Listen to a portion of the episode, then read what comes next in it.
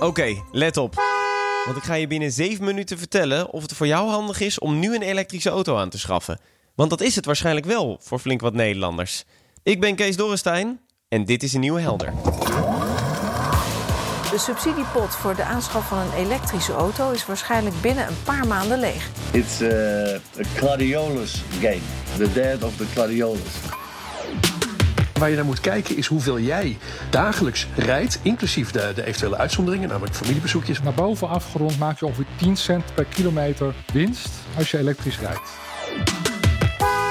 Beter benzine in de straal dan stroom uit een paal. Helder. Elektrische auto's zijn een hot topic. Vanwege Tesla, They have officially topped Toyota to become the largest automaker by market value. dat is wel een dingetje. That's a big deal. Dat zeg ik. En vanwege dit. Goed nieuws! De aanschafsubsidie voor nieuwe en gebruikte elektrische auto's voor particulieren is een feit. En nog meer goed nieuws. Feestwinkel Partypower.nl heeft gebeld. Zijn geluidseffecten zijn uitverkocht. Die subsidie is op 1 juli ingegaan en die houdt het volgende in. Je krijgt 4000 euro voor een nieuwe elektrische auto en 2000 als je een tweedehandsje koopt. De auto moet een waarde hebben tussen de 12 en 45.000 euro. En je moet minimaal 120 kilometer met de accu kunnen. Er is alleen een klein probleempje met de subsidiepot van 17,2 miljoen euro. Het bedrag in die pot is in één dag gehalveerd. Je moet dus snel weten of dit een kans voor je is. Twee mannen hebben het antwoord. Auke Hoekstra, Ik ben onderzoeker ehm, op de TU Eindhoven. Vooral elektrische auto's, daar kennen heel veel mensen mij van. Maar ook energiesystemen in de brede zin des woords. En hoe ze zo snel mogelijk duurzaam kunnen worden. en Jeroen Horlings. Ik ben auteur van het boek Alles over elektrische auto's. Moeten we nu massaal aan de elektrische auto? Ik denk wel dat dit het moment is, inderdaad, met deze subsidie die nu tijdelijk beschikbaar is. Dat is waar voor een deel van de mensen. Niet helemaal eens, maar ze hebben wel een gemene deler. Als je veel rijdt, dan is de kans groot dat je er nu een moet nemen. Maar het hangt dus ook een beetje vanaf of die auto leuk is, of, je, of die je bevalt. En je moet hem kunnen betalen. Want de goedkoopste elektrische auto's, de A-klasse, zijn namelijk 20.000 plus euro. De middenklasse tussen de 30 en 45.000. Kom nog een keer bij dat verschillende autofabrikanten daar eh, nog een keer een extra eigen subsidie overheen gegooid hebben. En dat bedrag verdubbeld hebben. Waardoor auto's die normaal 30.000 euro kosten, in één keer 22.000 euro kosten. En dan heb je ook nog het hoge segment, 50.000 plus. Zoals de Tesla's. Maar daar krijg je dan weer geen subsidie op. Je betaalt veel meer voor de elektrische varianten van een auto. De Volkswagen e-Golf is 9000 euro duurder dan de benzinevariant. Alleen vervolgens heb je allerlei voordelen met die elektrische auto. Geen wegenbelasting, maar nog belangrijker, veel lagere kosten per kilometer. Naar boven afgerond maak je ongeveer 10 cent per kilometer winst als je elektrisch rijdt. Dan moet je daar nog de wegenbelasting mee optellen. En dat is dan een beetje het voordeel wat je hebt. Dus ik denk dat dit ertoe moet leiden dat een hoop mensen eens even eh, ehm, eh, de Excel-sheet of de sigarendoos erbij pakken. En dan tot de conclusie gaan komen van hé, hey, het is inderdaad een goed idee. En voordat je het weet, bespaar je toch al 632 sigaren per jaar.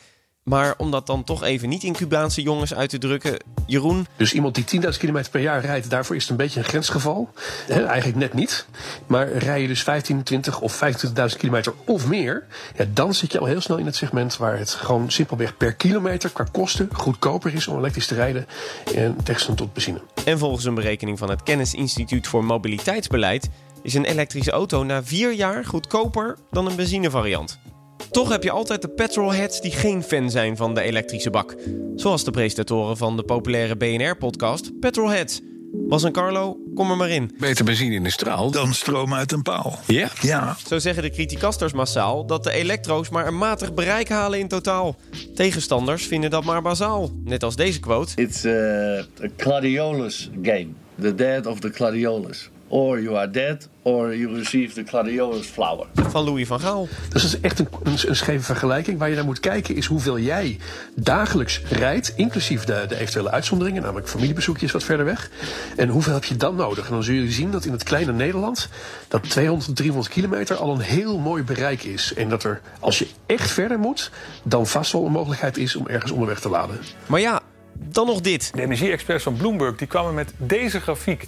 Dus hebben ze uitgerekend dat de elektrische auto in aanschaf in 2024 goedkoper is dan de benzineauto. Waarom nu kopen als het over een paar jaar goedkoper is?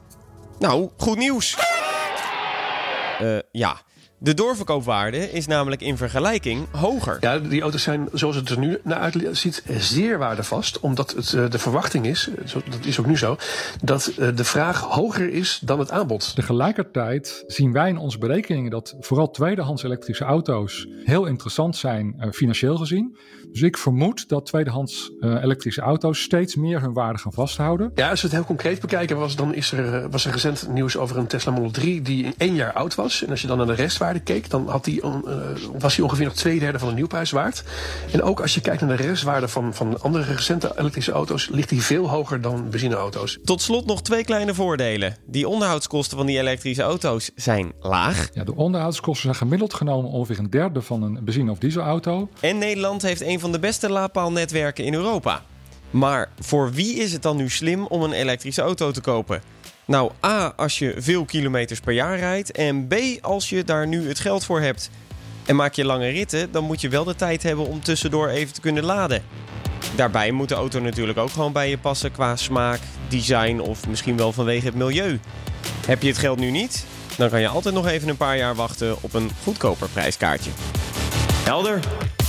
Vond je de podcast leuk? Abonneer je er dan vooral op en laat een recensie achter. Daarover gesproken, even petrolhead Carlo Brandsen contacten, want is hij nog van mening veranderd door de podcast? De situatie wordt wat beter, hè? er is wat meer aanbod en die accu's die kunnen ook wat meer. Maar het blijven zware, dure dingen vol met rommel die je niet wil in je huis houden. Leuk al die nieuwe technieken, maar je zal het moeten blijven subsidiëren tot in het oneindige om daar een beetje een succes van te gaan maken. No go, wat mij betreft. Volgende week weer een nieuw onderwerp. Lekker helder.